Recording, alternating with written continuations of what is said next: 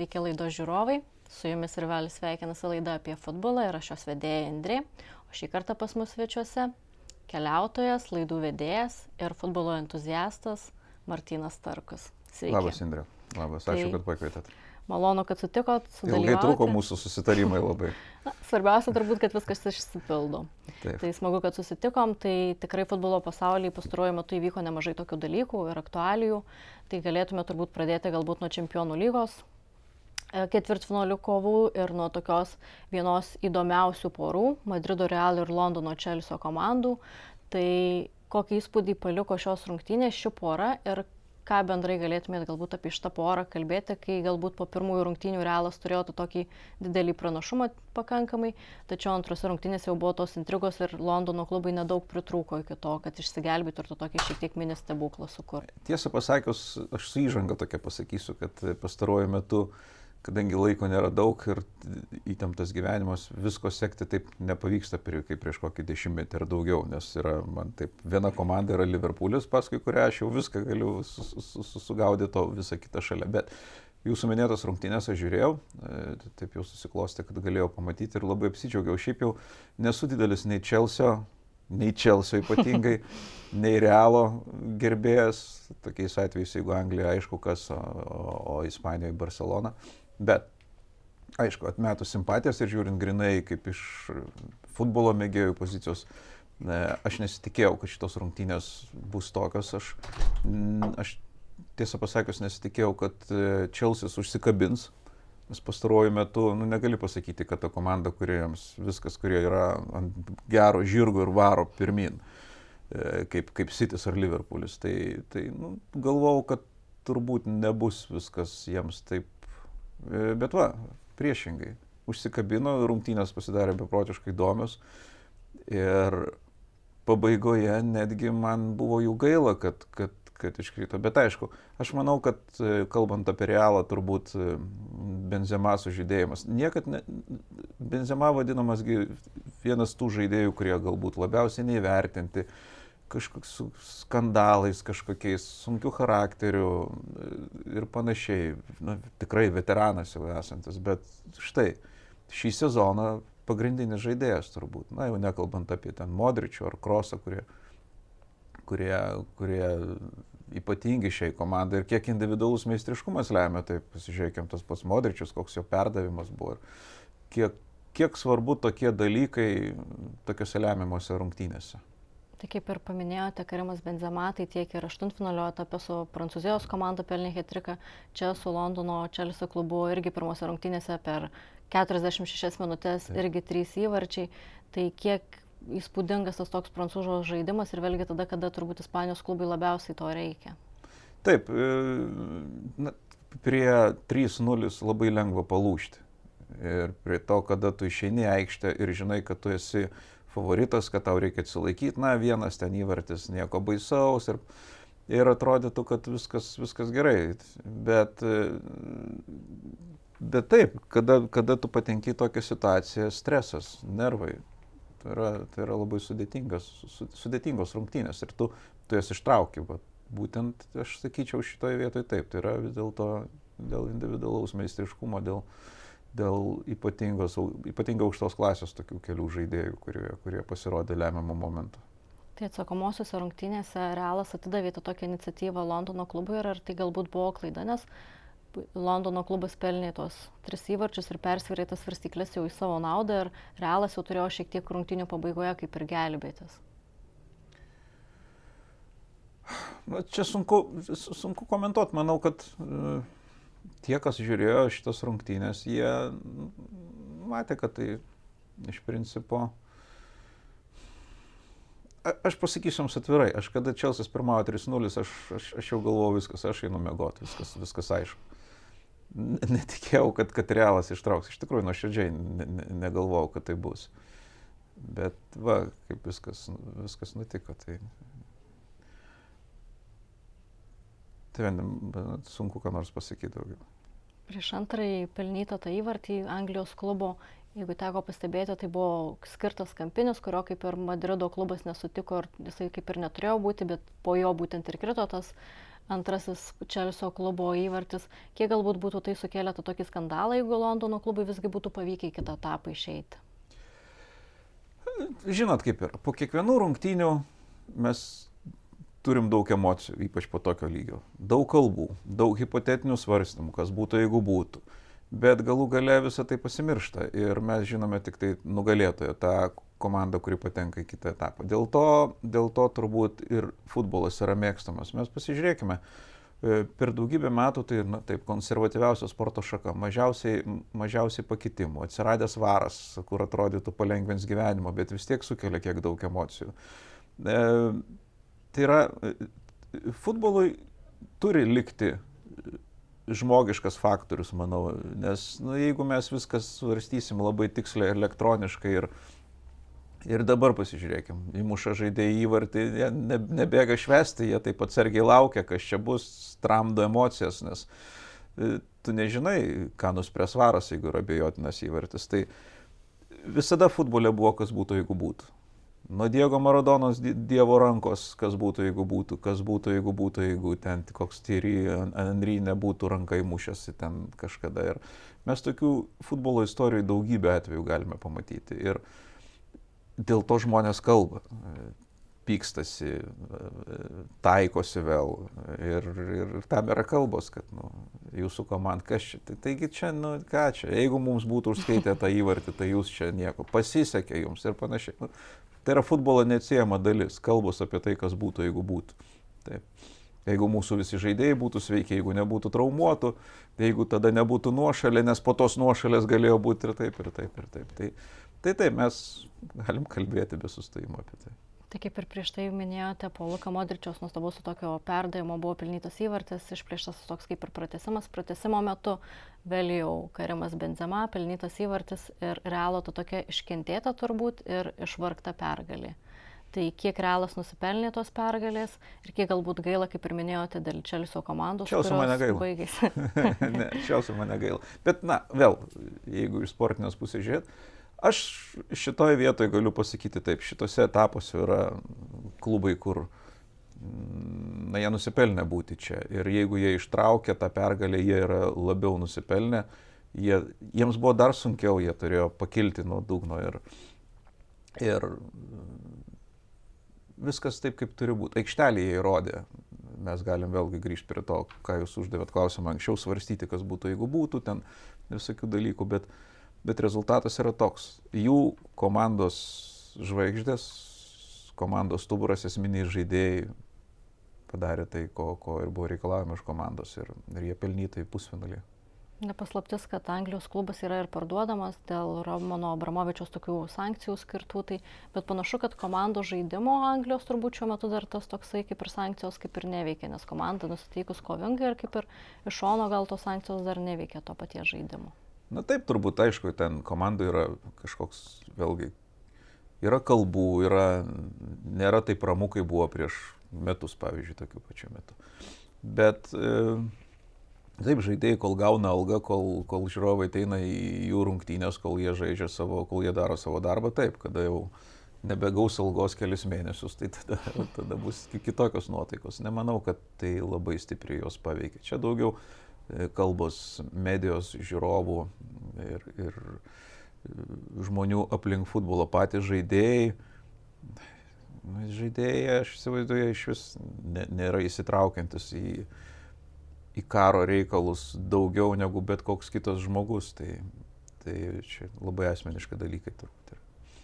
Čelso komandos vyriausiasis treneris Tomas Tuchelis po rungtynių kaip ir buvo šiek tiek piktelės ir atkreipė dėmesį į tai, kad varžovų strategas Anšeloti po rungtynių kaip ir juokavo e, su rungtynių teisėjo, tai kiek irgi tos kalbos tiesiog iš strategų yra iš tokio didelio tiesiog apmaudaus nusivylimų ir nedėl iškovotos tiesiog pergalės. Be abejo, jūs pasižiūrėkit, lygiai taip pat būtų, jeigu būtų Čelsis ištraukęs rungtynės, jis, tas, jisai pats darytų lygiai tą patį greičiausiai. Na gerai, gal jo natūra kiek kitokia, bet vis dėlto taip, nu, tai yra žmogiška. Tada kam, kam, kam mums kalbėti apie Madrido atletiko ir, ir Simeonę. Taip, ten vėl kitos emocijos. Nu, čia yra jau tas lygis, kur yra, kur emocijos didelės, dideli pinigai, didelės ambicijos. Natūralu, kad taip nutinka netgi profesionalams, kurie atrodytų turėtų būti matę tokių situacijų, turėtų būti išmokę valdyti emocijas, bet tai vėlgi yra labai asmeniškai priklauso nuo žmogaus, nuo charakterio, koks tu esi. Tai turbūt galėtume perėti prie sekančios poros, tai Müncheno Bayern ir Villarreal komandų. Tai Ispanijos klubas pirmose rungtynėse iškovojo tą tokią pergalę minimaliu rezultatu. Atsakomosiose pabaigoje rungtynių išplėšė lygesias ir išspyrė iš tolimesnių kovų Vokietijos čempionus. Tai kiek pačiam galbūt tas toks netikėtas ir ar yra netikėtas rezultatas? Netikėtas. Bet taip nutinka, yra, yra tokių pasitaiko turbūt kiekviename, kiekvienais metais viename ir kitame turnire komandų, kurios nustebina kurios lyg ir neturėtų būti ten, kur yra, bet jos yra, reiškia, jos nusipelnė. Nu, tu negali atsitiktinai nukauti Juventus, tu negali atsitiktinai nukauti e, Müncheno Bayern. Nu, tada gauni Liverpoolį ir jau grįžti namo, bet, bet, bet taip, gera komanda, aš manau, aš visų rungtynių nežiūrėjau, žiūrėjau apžvalgą. E, stebuklų kažkokių nėra, tai yra ne, dirbantis sunkiai aikštelėje žaidėjai, atiduot nuopelnus treneriui, kuris sugebėjo suburti ir, ir, ir kiekvienam rasti jų vietą, motivuoti sugebėjo, nors vargu reikia daugiau motivacijos, kada tu esi ten ir kada tai yra tiek daug žiūrovų, kurie tave palaiko, tau kiekvienas, kiekviena minutė svarbi, čia reikėjo atsilaikyti, jie atsilaikė. O Müncheno komanda, na taip, aš sakyčiau, na tokių dalykų nevyktų prieš keletą metų turbūt. Kiekvienai komandai tokio lygio turbūt baigėsi tam tikros epochos. Münchenas labai stiprėjo daug metų. Negali sakyti, kad ir čia, na taip, Müncheno gerbėjams tai yra prastas rezultatas, bet iš principo tai na, rodė gerą futbolą. Bet Aš nežinau, sunku pasakyti, ar tu nenusiteiki vargu, nes tokiame lygiai tu negali nenusiteikti, sakyti, praeisim. Nu, ne. Jeigu pradžioj turnyro, tu gali, sezono pradžioj gali dar taip galvoti, pirmose etapuose, bet čia tokiam lygiai nesakyčiau, kad nusiteikimas kaltas. Tiesiog Vilarealio motivacija, fizinė ištvirmė, psichologija buvo komandinė pati dvasia stipresnė.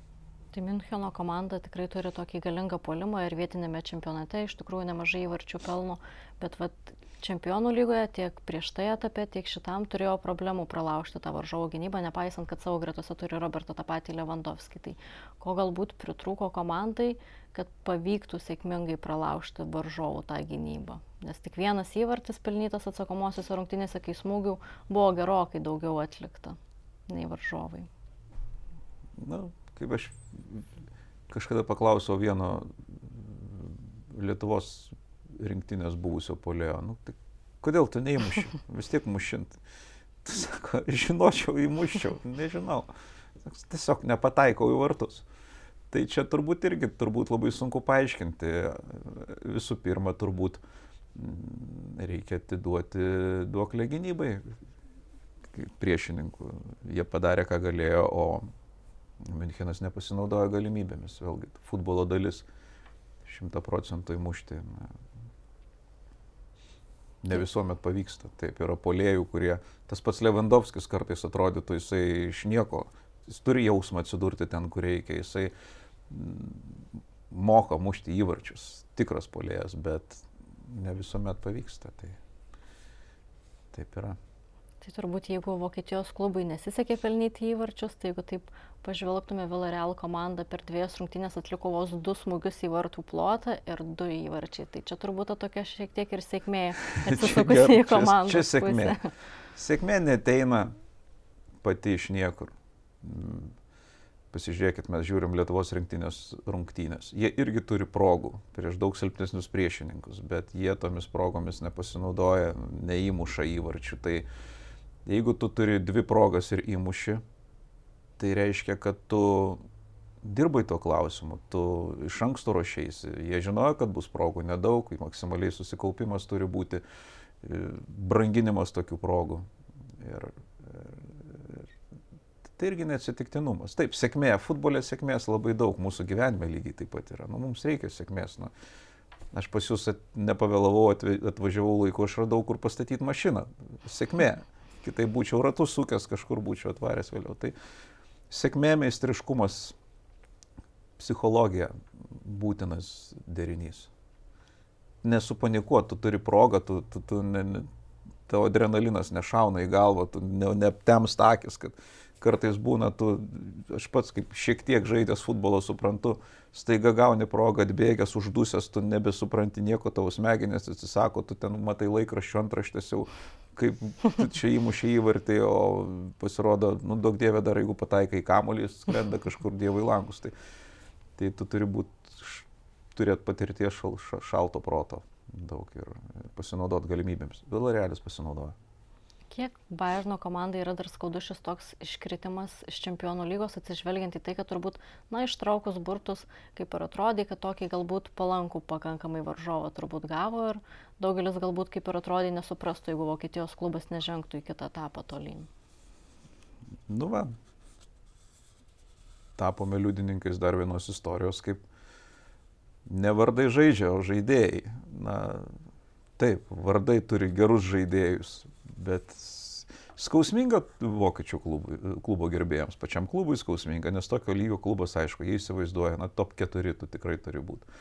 Ne top 8 yra jų tikslas.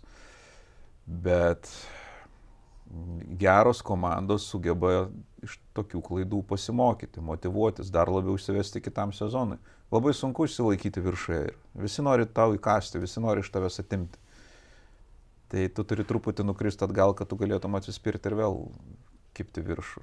Komandai pasikeitimai kažkokie reikalingi turbūt. Taip.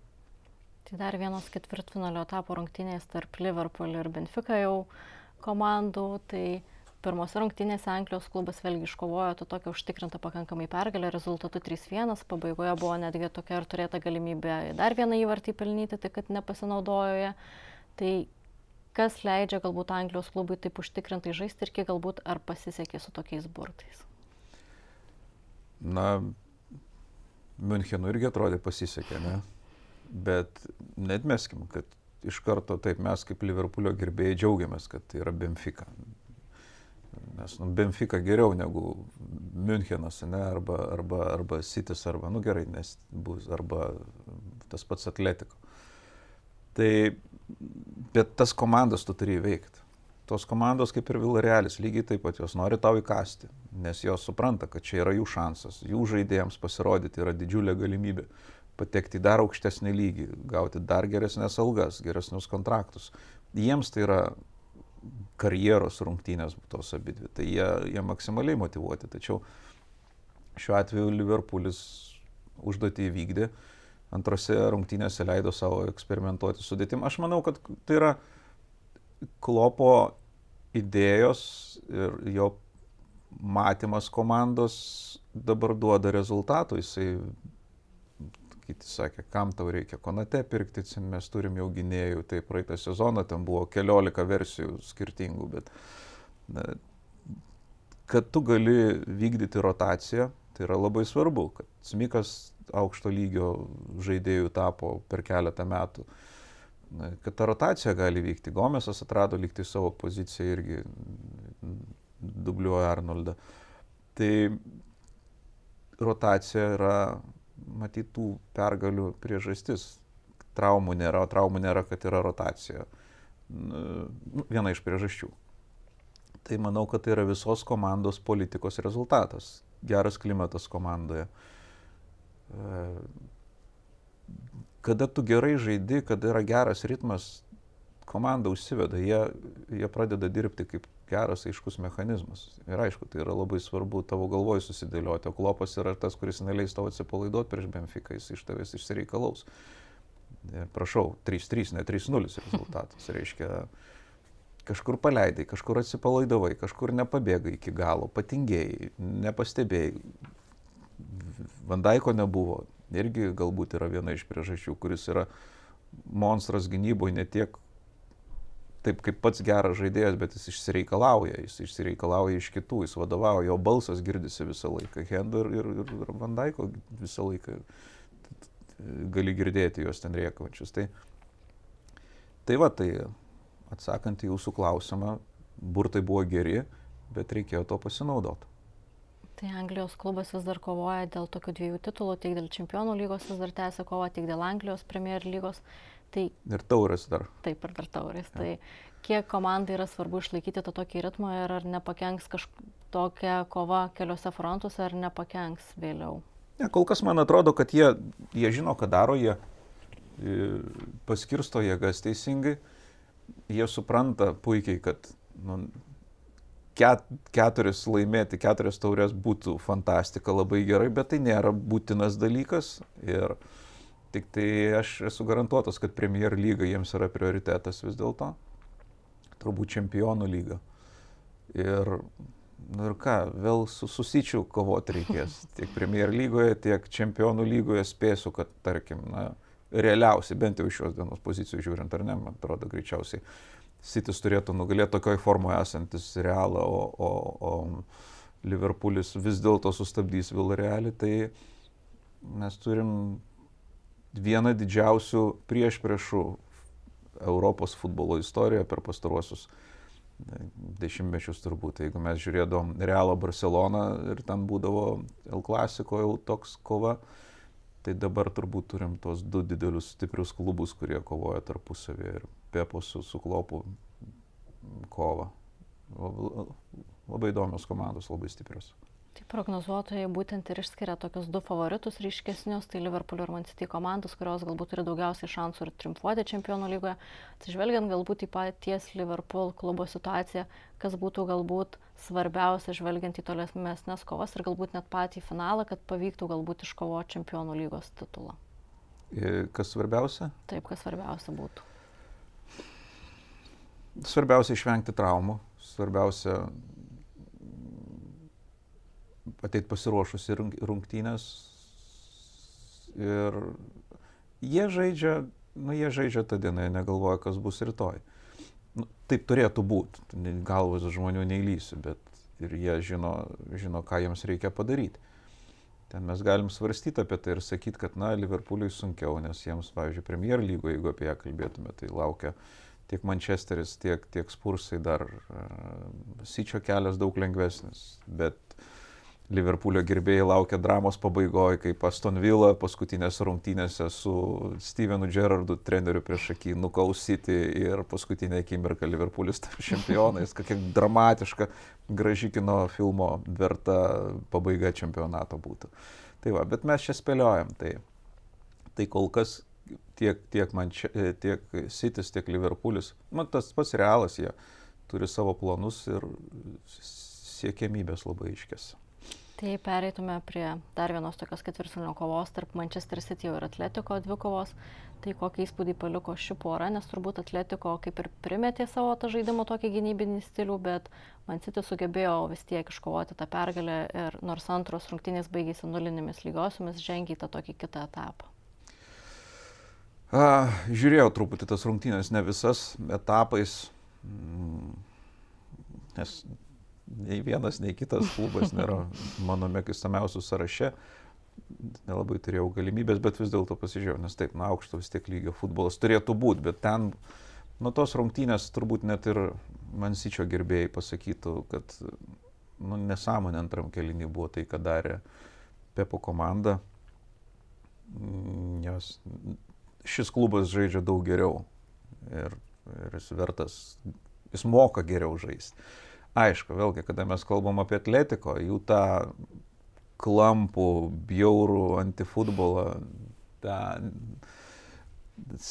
Diego Simeonės filosofiją futbolo, tai matyt, kad šiaip tą klubą mėgsta tik tai tie, kas mėgsta jų gerbėjai. Nes ne, mes matom, kaip, kaip jie žaidžia, ne vieną sezoną jie žaidžia, taip jie pasiekia kažkokiu rezultatu, bet, bet tai toli gražu nėra komanda, kurią mėgtų pasaulyje futbolo gerbėjai numeris vienas. Tai, tai toks ir buvo rezultatas. Grubus, klampus, sudėtingas futbolas, mažai grožio ir meno futbolo, ten, ten tiesiog darbinės rungtynės labai ir, ir emocijos visos, kurios buvo paskui. Kas, kas prideda vėlgi žiūrimumo ir kas vėl mes apie tai šnekam kilintą dieną, kad kažkas susimušė, kažkas ten nutiko, kažkam už plaukų papiešė. Tai, na tai futbolo dalis šau. Tai yra šau. Jei pirmose rungtynėse Anglijos komanda kaip ir atakavo ir tikrai daug smūgių atliko, bet tik vieną įvartį pavyko pelnyti, tai atsakomosiose rungtynėse jau ir Man City komanda taip nerizikavo. Atletiko taip pat, nors rezultatas buvo 0-1, pradėjo varžovus spausti, taip maždaug nuo 80 minutės jau pasijuto, kad reikia pelnyti įvartį. Taip ir ten turbūt viena ryškiausių progų buvo jau pasibaig, nu, virš laiko jo, pridėjus ten kažkokiam chaose buvo. Pabaigoje tai Ar galima sakyti, kad čia vėlgi ta tokia taktika nepasiteisino, nes visas rungtynės kaip ir nepraleido įvarčio, bet tuo pačiu pelnyti ar susikurti geresnės progos kaip ir irgi taip pat neturėjo. Ir tas gavosi, kad rezultatas minimalus, bet vis tiek galų gale komanda kaip ir iškrito. Um Aš turėjau vaikystėje vieną trenerį tokį laikinai, kuris pavadavo mano trenerį. Ir jis buvo vienose rungtynėse mūsų vaikų futbolo e, žalgerio, ten toks olimpinis rezervas buvo, kur, kur žaidėm Marakanai, žaidėm to iš šalia žalgerio stadiono, buvo tokia dulka aikštelė. Ir sakė jisai, na, aš iki šiol atsimenu, kad, nu, reikia apsiginti, įmušt kažkaip įmušim.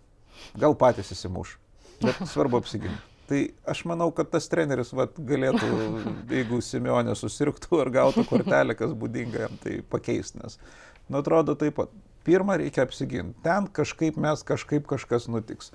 Nu, tai jie taip žaidžia, toks jų žaidimas. Tai labai sunku įmušti komandai, kai formacija yra 5-5-0. Tai, mm, o tas 5-5 virsta koks 6-4 dar, nu, ir, nu, nu taip. Tai, o kita vertus, aš skaičiau po pirmųjų rungtynių mūsų kolegos e, Ryčio Višniausko komentatoriaus postą, kuris yra Mansičio gerbėjas, jisai sakė, aš labai bijau, nes nu, gali būti vienas kampinis per rungtynės ir kad tas kampinis nevirstų įvarčių, tai aš labai to kampinio bijau. Tai, tai va, tai čia tas kažkaip įmušim taip kažkoks kampinis, standartinė situacija ir, ir prašau, tai jie taip žiūrėjo, nors įmušti vieną įvartį. Tai nėra, kad tris reiktų mušti. Pirmose rungtynėse jie minimum pasiekė planą, tai beliko tik tai tęsti. Nepavyko. Tai rungtinio pabaigoje, kaip ir jau minėjote, buvo tas toks emocijų protrukis ir žaidėjai susikibo ir už plaukų, kaip ir minėjot, buvo tempimų ir iš už aikštės ribų bandė pakelt. Tai kiek galbūt taip pat iš, išvedė iš kantrybės Ispanijos klubo žaidėjus, kaip patiems jau reikėjo tiksą laikas įmušti jau tą vienintelį įvartį, o galbūt Mansitis jau šiek tiek ir vilkino tą laiką, ką galbūt tokioje pačioje situacijoje būtų darę ir tas pats atletiko. Be abejo, atletiko trigubai. Tai jeigu Sičio žaidėjas ten nukrenta su kontaktu minimaliu, tai atletikos kristų kito aikštės pusėje būdamas ir peršautas valiotųsi. Tai, e, nu, Taip, futbolo dalis, tas, kas laimi ir kuriam nereikia skubėti, jis ir neskuba. Na, net bolbojus į berniukai neskuba paduoti kamolių. Tai Nu, toks yra futbolas ir kada atletiko kaltina, kad jie vaidina, nu, nu, hebra, nu, nu, atsisukit savo kokias rungtynės, pasižiūrėkit. Tai, yra, tai apie ką mes ir kalbam šiandieną, kad tai yra, futbolas yra, jis dėl to ir mėgstamas, dėl emocijų, dėl to, kas vyksta šalia aikštės, e, apie tai, kaip galima interpretuoti, kaip skirtingos e, stovyklos mato tos rungtynės. Ir nu, nieko, nieko, nieko mes čia, nieko naujo Simeonė nepasakė. Tai po rungtynių žaidėjai susikibo net ir tunelyje, jau po rungtynių išeinant, tai kiek dar tos emocijos persidavė ir jau pasibaigus rungtynėm ir galėtum tiek atletiko. Aš galvoju, nu, neleidau, nu, taigi tegu pasimuša, išsiskirstis. Nu, kas čia tunelėje, nu, faina, ne aikšteliai. turbūt atletiko toks kaip ir skaudokas pralaimėjimas, turbūt sunku susitaikyti su tuo, kad nepavyko visgi.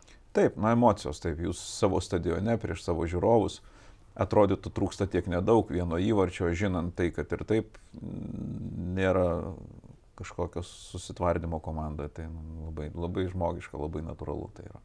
Taip turi, būtų keista, jeigu taip nebūtų buvę, jeigu nebūtų tų emocijų ir visi šipsotus ir paspaustų viens kitam rankas. Ne. Tai pats Gvardiola buvo minėjęs kiek anksčiau, kad pats galbūt dažnai keičia taktikas čempionų lygos rungtynėse.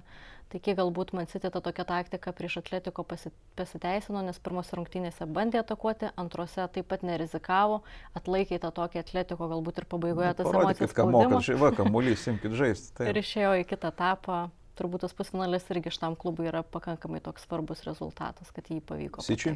Taip. Sičias turi imti, jie nori čempionų taurės. Pepas susičiu tiek metų ne, negali pasimti čempionų lygos, tai jiems čia yra planas numeris vienas. Ir taip, jeigu Premier lygą ir, ir dar laimėti ir, ir, ir, ir čempionų lygą, tai tą pačią taurę. Jie irgi nu, puikus sezonas, jie nori irgi viską pasimti. Tai, tai natūralu. Panaši situacija kaip Liverpoolėje, jie irgi turi, neturi daug traumų, rotacija yra gera, geri žaidėjai, nežaidžia kiekvienų rungtynių, nėra nualinti visiškai. Turi tokį puikų lyderį kaip Debriuinė. Tai jie puikiai komanda tai. Ir yra ten, kur yra, kur turi būti, na, jau būtų neteisybė. Futbole daug neteisybės, bet būtų viena iš tų neteisybių, jeigu praeitų atletiko nesitis.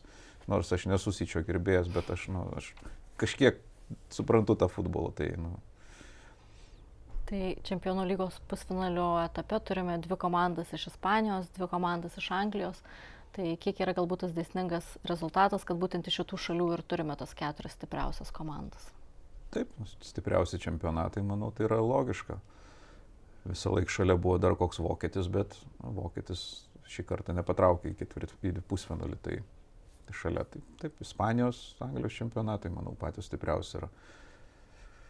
Bent jau pagal komandas, kurios mm, ne, ne pirmam trejetukė, nes tokioj ar Italijoje galų gale, ar nu, aiškios kelios komandos yra kiti kažkur šalia, kaip pasiseks. Viskas logiška.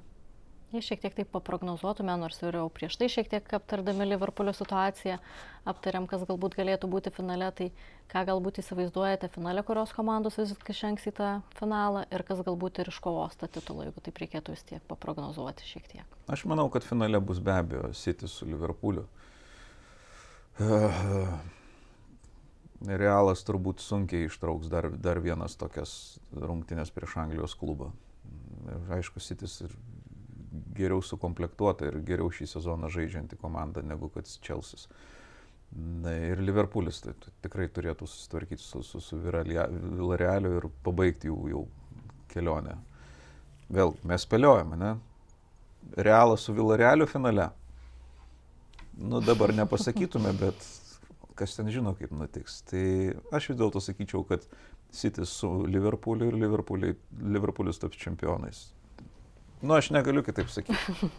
Tikrai suprantama. Tai galbūt galime tada perėti ir prie Europos lygos šiek tiek kovų, nes turbūt įvyko toks įdomiausias dalykas.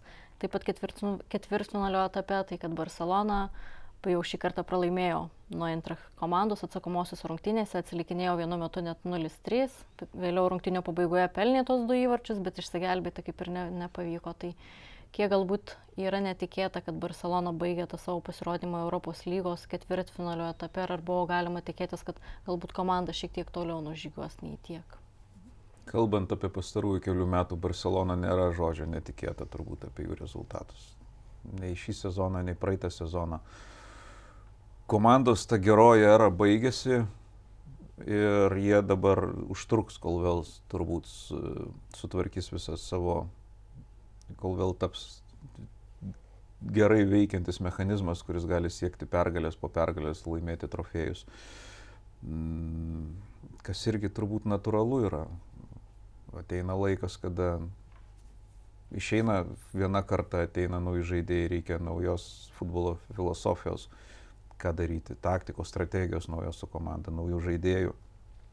Tai Barcelona mane labiau nustebino, kad jie sugebėjo realą nugalėti išvyko į šį sezoną prieš, prieš keletą savaičių. Ne? Vat tas labiau mane nustebino, kad ten buvo visai kitokia Barcelona arba Realas buvo irgi visai kitoks negu šitoj dvikovai su Čelsu, pavyzdžiui, kur mes matėm. Tai, tai ten labiau nustebino, kad jie iškrito. Ne, nu, tiesiog toks etapas komandai ne pats geriausias būti, laikas būti Barcelonos fanu dabar.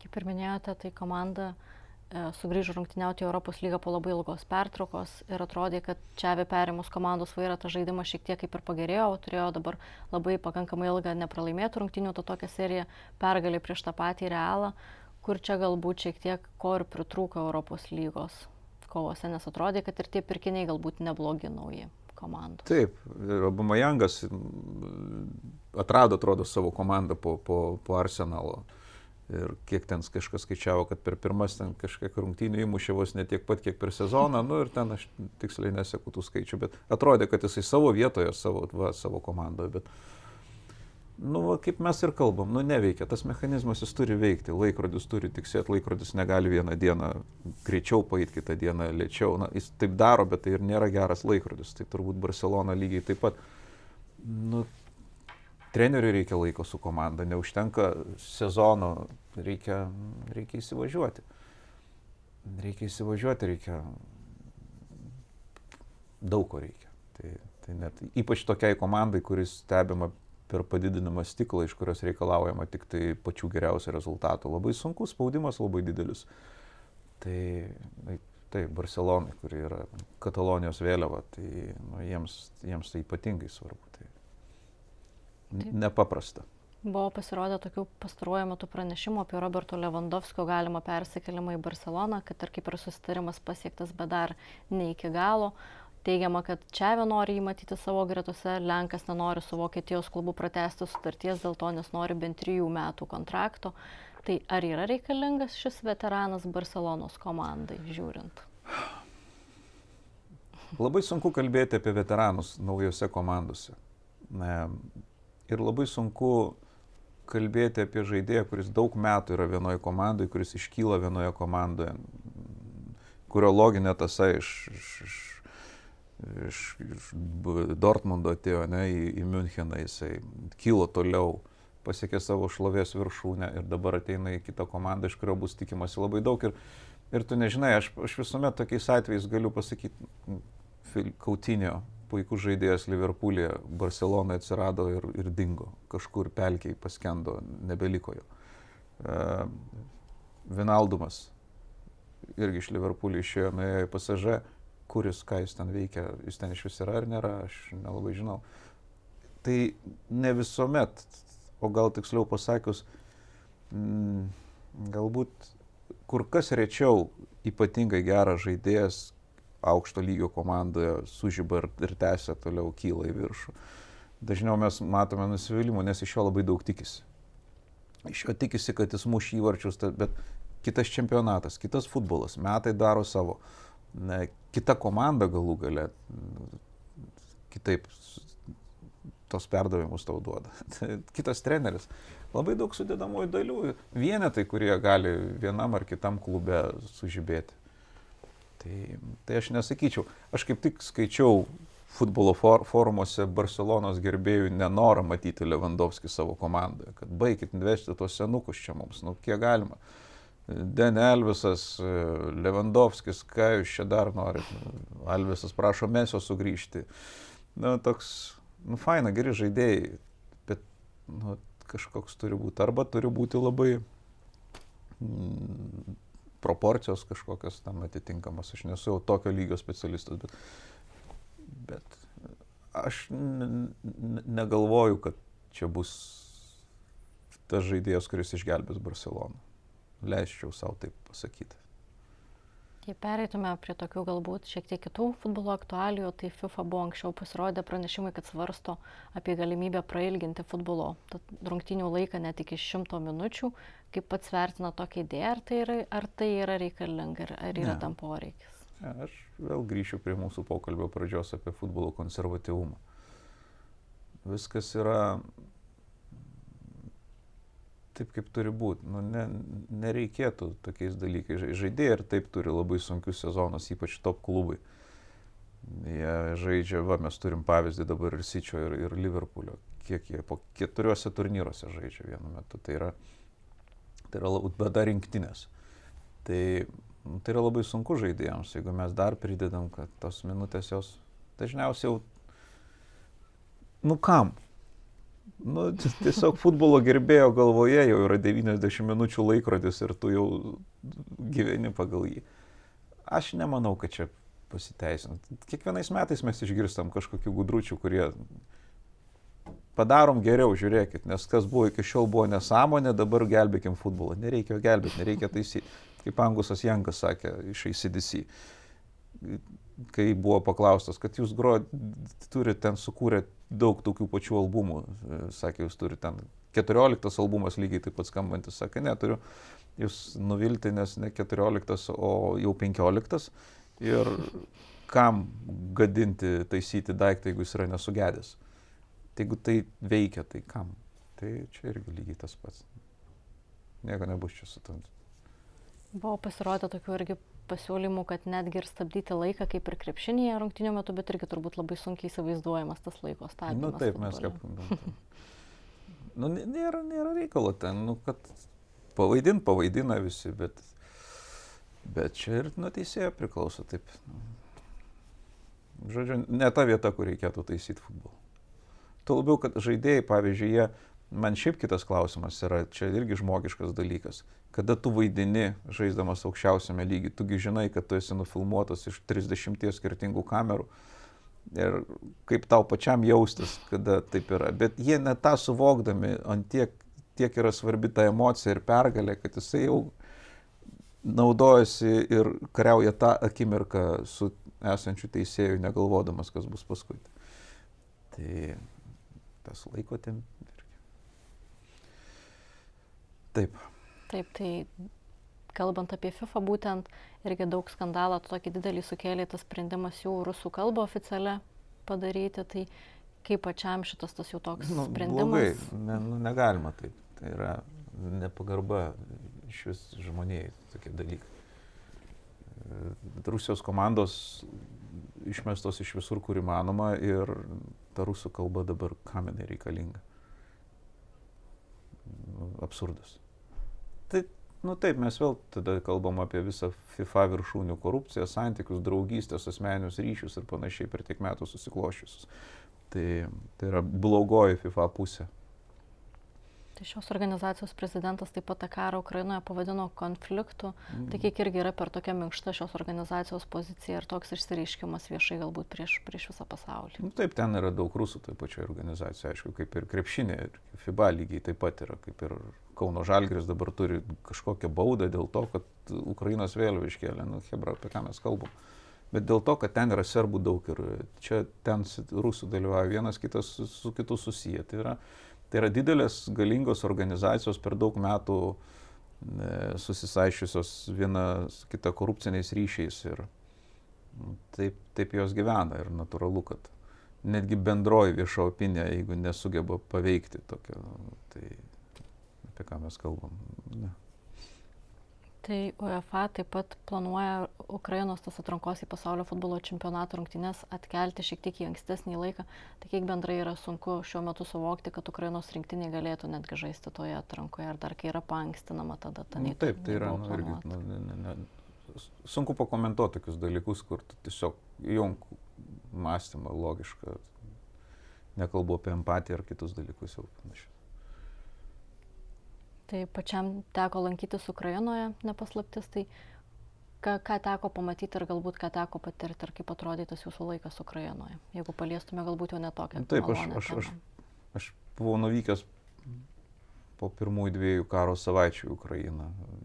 Buvau vakaruose, e, saliginai ramesnėje vietoje, bet žmonės gyvena karo sąlygomis, barikados, e, sirenos, slėptuvės ir nu, jie gyvena liūdnai, jie, jiems labai sunku yra. Ir aišku, ten nėra kalba apie, apie sportą dabar kaip tokį ar aktyvumą, jiems reikia išgyventi, jiems reikia nugalėti. Bet e, vienas dalykas, kuris juos visus vienė, yra tai, kad jie yra, yra kovotojai ir jie buvo aišku nuvažiavus man jau net tuomet, kad jie neženg žingsnį, gal jie nepasiduos jais iki galo, jie tiesiog neturi kito kelio. Ir, ir ta šalis nugalės, jie, jie, jie labai stiprus. Turbūt vienas dalykas žiūrėti iš šono tos vaizdus, kitas visai dalykas apsilankyti pačioje šalyje vykstant karui. Kas patį galbūt, ar buvo tokių dalykų, kas sukrėtė labiausiai galbūt joje lankantis? Aš buvau Lvyvė prieš tris metus ir buvau dabar, aš labai galėjau palyginti. Mane turbūt pagrindinis įspūdis, kuris buvo, kad tai yra, šis miestas tapo labai tylus, susikaupęs ir labai ramus. Taip, žmog, žmonės gyvena savo gyvenimus, kažkas juokiasi, kažkas dirba savo darbą, bet bendrai visas miestas jis yra labai susikaupęs, labai, labai sunerimęs. Tai pagrindinis skirtumas yra iš linksmybių miesto virtęs labai rimtų, labai kitokie, labai pasikeitė žmonės. Tai kiek yra svarbu, kad žmonės vis dar padėtų ukrainiečiams išreikštų tą tokią pagalbą, ne tik sporto pasaulyje, bet ir apskritai kasdieninėme gyvenime, nes turbūt praėjus tiek laikui po karo, šiek tiek žmonės atsipūsta ir pamiršta, galbūt šiek tiek primiršta, kad tai reikia galbūt daryti. Taip, ir tai yra irgi žmogiška, labai sunku. Mums, mes jeigu pirmosiomis dienomis ne, ne, prilipę buvome prie interneto, prie televizijos kanalų, sekėme dieną naktį nemiegodami, atsibūsdami, kokia yra situacija. Paskui tu pavargsti nuo to, tu pripranti prie to. Ir labai svarbu suvokti, kad mūsų pagalba, jinai turi tęstis, nes tu negali sakyti, žmogus, kuris pas, kuriam sakai, kad reikėtų padėti, reikėtų paukoti, jisai sako, aš jau paukau, tai tu gali sakyti, nu, kareivis jau pakariavo tada, aną trečiadienį, tai šis dabar penktadienis jau nebenori kariauti Ne, karas tęsiasi, reiškia, mūsų pagalba turi tapti mūsų gyvenimo dalimi irgi. Kaip ateinantis savaitgalis, kaip kad vaikas eina į mokyklą arba mūsų gaunama alga tam tikrų metų mes turėtume tuo, ko galime. Pinigais, e, iniciatyvom, akcijom, kalbėdami apie tai. Labai svarbu. Mes visi nenuvažiuosim ten kariauti ir nereikia. Jie, jie gali kariauti, bet jiems reikia padėti. Jiems reikia padėti, dėl to nuo to reikėtų nepamiršti. Ir, ir jiems tai labai svarbu bet koks žmogiškas, man, mano pasirodymas Lvovė taksistui buvo didžiausia šventė, nes jisai, jisai žino, kaip stipriai Lietuva padeda. Ir, ir jiems tai svarbu, geras žodis, rankos paspaudimas jiems labai svarbu. Yra. Kiek yra smagu matyti iš lietuvių pasistą tokį vis tiek susivienijimą didžiulį, tiek šiaip kasdienybėje, tiek ir sporto pasaulyje tų pačių skanduočių metu, kad nesvarbu kokia situacija, lietuviai sugebėjo susivienyti dėl šito galbūt tikslo. Taip, kaž, Mes žinom Rusiją, mes, mes šalia gyvenam labai, mums, mums tai nėra naujiena, dėl to, dėl to mes, mums nereikia daug labai pasakot, kas vyksta. Mes matome, mes tikimės, suprantame, mes žinom. Kaip sakė pats Ukrainos prezidentas, nu, Lietuva žino. Tai mes žinodami tą ir susivienėm, tas labai, tas labai džiugina, aišku, man, man labai malonu matyti, kad tiek daug skirtingų žmonių Lietuvoje susivienė. Svarbiausia, kad jie nepavarktų nuo to, kas yra. Svarbiausia, kad jie, nes čia prasideda darbas jau. Emocijos pasikeičia, ta pirmoji reakcija praeina, bet prasideda darbas, kurį mums reikia dirbti, remiant Ukrainą. Jei laidos tokioje paskutinėje dalyje pereitume prie jūsų galbūt, tai kiek, kaip pačiam gimė ta meilė futbolui, kada jinai atsirado ir kaip jinai laikui bėgant galbūt vystėsi? Žinot, aš dabar va prisiminiau Aš važiuodamas pas jūs kažkodėl prisiminiau šitą atvejį, nes nutiko neseniai prieš savaitę. Aš važiavau su tėvu į Kauną. E, mano e, abu du tėvai iš, yra iš Kauno. Aš pats, aš techniškai net kaunietis, aš gimiau Kaune, paskui po kelių savaičių, man, nes jie mokėsi ir gyveno Vilniuje, per, persikėliau į Vilnių.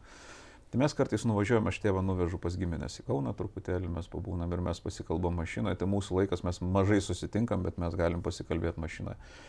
Ir mes kalbėjom, aišku, apie sportą, apie futbolą.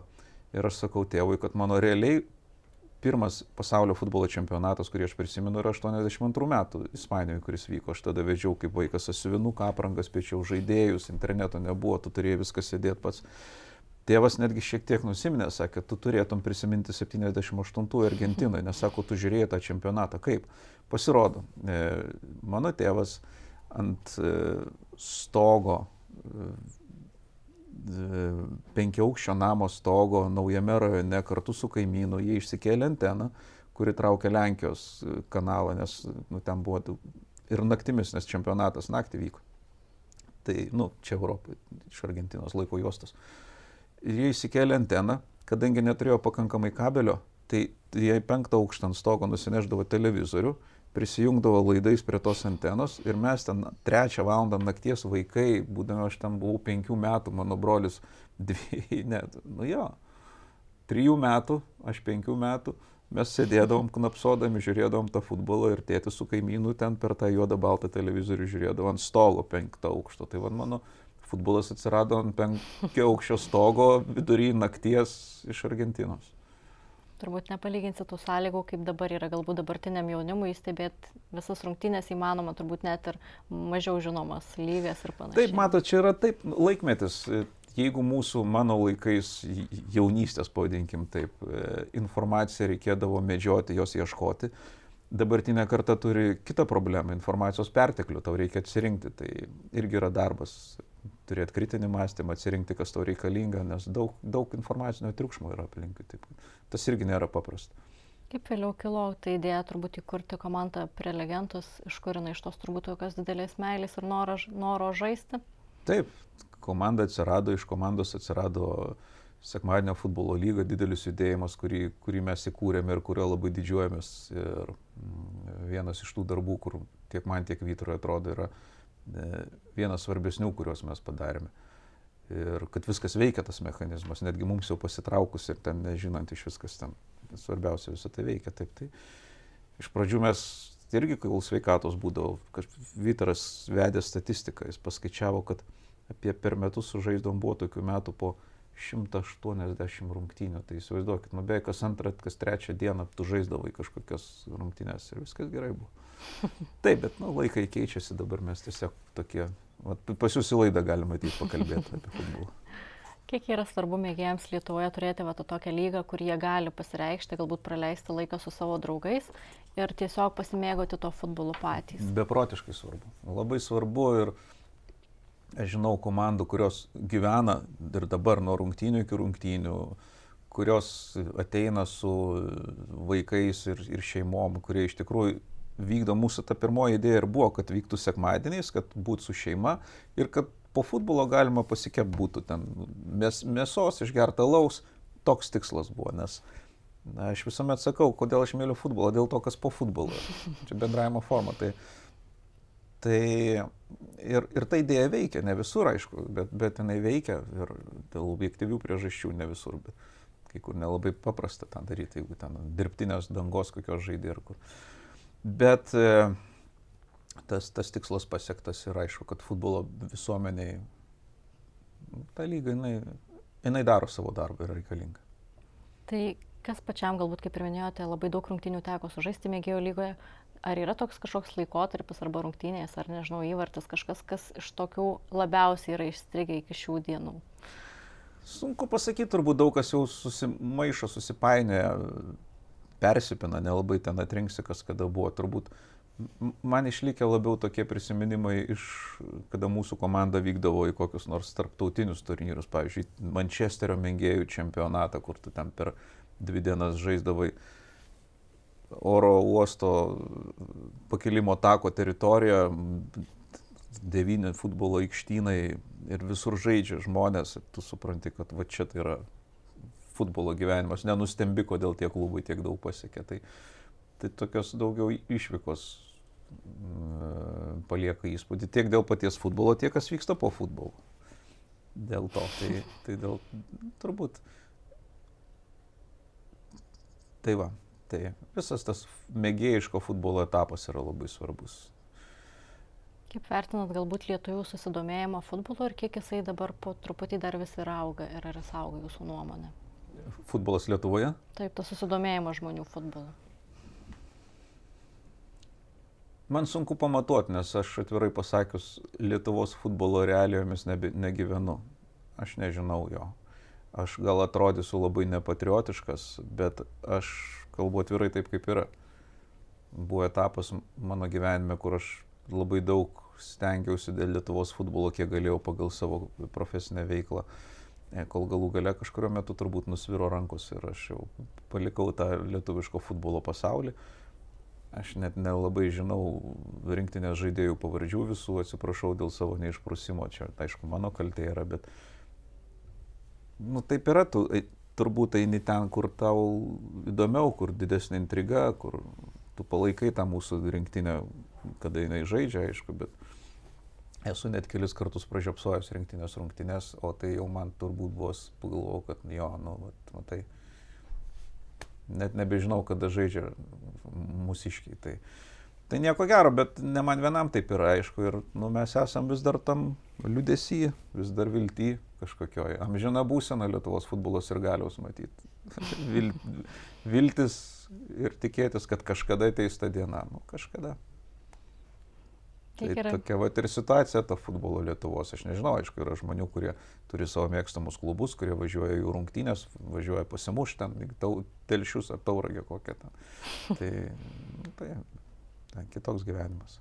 Ar galima galbūt taip ir teikti, bendriau kalbant, kad dauguma galbūt lietuvių ta, tuo futbolu labiau domisi užsienio lygose, vat, stebint čempionų, ten stipriausias tas futbolo lygas Europos, o ne būtent Lietuvos? Aš vienas iš tų esu, turbūt aš toks pavyzdys. Taip, Taip nutinka ypač, kada neturi tam labai daug laiko skirti. Tu, žinau, kad vat, antradienį rungtynės Liverpoolis Manchesteris, aš užsirašiau savo darbų grafiką tarp šalia kitų, kad nepamirščiau, nes daug tiesiog pamiršti. Ir tu žinai, kad va reikės ten tos rungtynės pasižiūrėti. Ir, va, ir taip, nu, taip, taip, taip gyvenam. Bet vėlgi čia, nu, žinoma, asmeniškai aš nesu tas modelis turbūt pavyzdinis Yra žmonių, kurie nepraleidžia nei vienų rungtynių, kurie žiūri po kelis čempionatus ir, ir sugeba apžiūrėti ir krepšinį, ir futbolą vienu metu, dar ledo rytulį ir sekti, kas Amerikoje vyksta NBA. Tai, bet, nu, aš taip negaliu. Vis tiek futbolas yra tokia viena populiariausia, nepopuliariausia pati sporto šaka pasaulyje, tai kiek yra svarbu turėti tą sporto šaką čia Lietuvoje ir galbūt išlaikyti tą viltį į ateitį, kad galbūt kažkada pagerės ta situacija. Na taip, tai kaip sakiau, viltis lieka tik tai, o kada daug metų ta viltis būna, tai nežinau, jinai virsta kuo. Žinok, tada tu... Apie viltį yra du posakiai gyvenime. Yra viltis yra kvailių motina ir viltis miršta paskutinė. Tai va pasirinkim, kas mums tinka ir tada pasinaudokim tuo, kas reikalinga. Labai puikus posakis, tai pabaigai laidos galbūt norėčiau paprašyti laidos žiūrovom kažkokį palinkėjimą iš savo pusės. A, dabar, dabar tu negali linkėti nieko kito, tik tai taikos ir, ir, ir, ir suvokti, kad mes gyvename labai sunkiais laikais. Mes iš tikrųjų mūsų žmonės, mes turėjome COVID, mes turime šalia karą, mes gyvename sunkių laikotarpių, labai svarbu nepalūšti ir nu, toks mūsų išbandymas. Taip, taip mūsų uh, gyvenimams jau lemta yra, tai išlaikyti žmogiškumą turbūt labai svarbu yra. Tai ačiū labai už įdomų pokalbį, tiek už apžvalgas Čempionų Europos lygos, tiek apie kitas futbolo aktualijas ir savo asmeninę patirtį futbolo pasaulyje. Su žiūrovai susitiksime kitą kartą.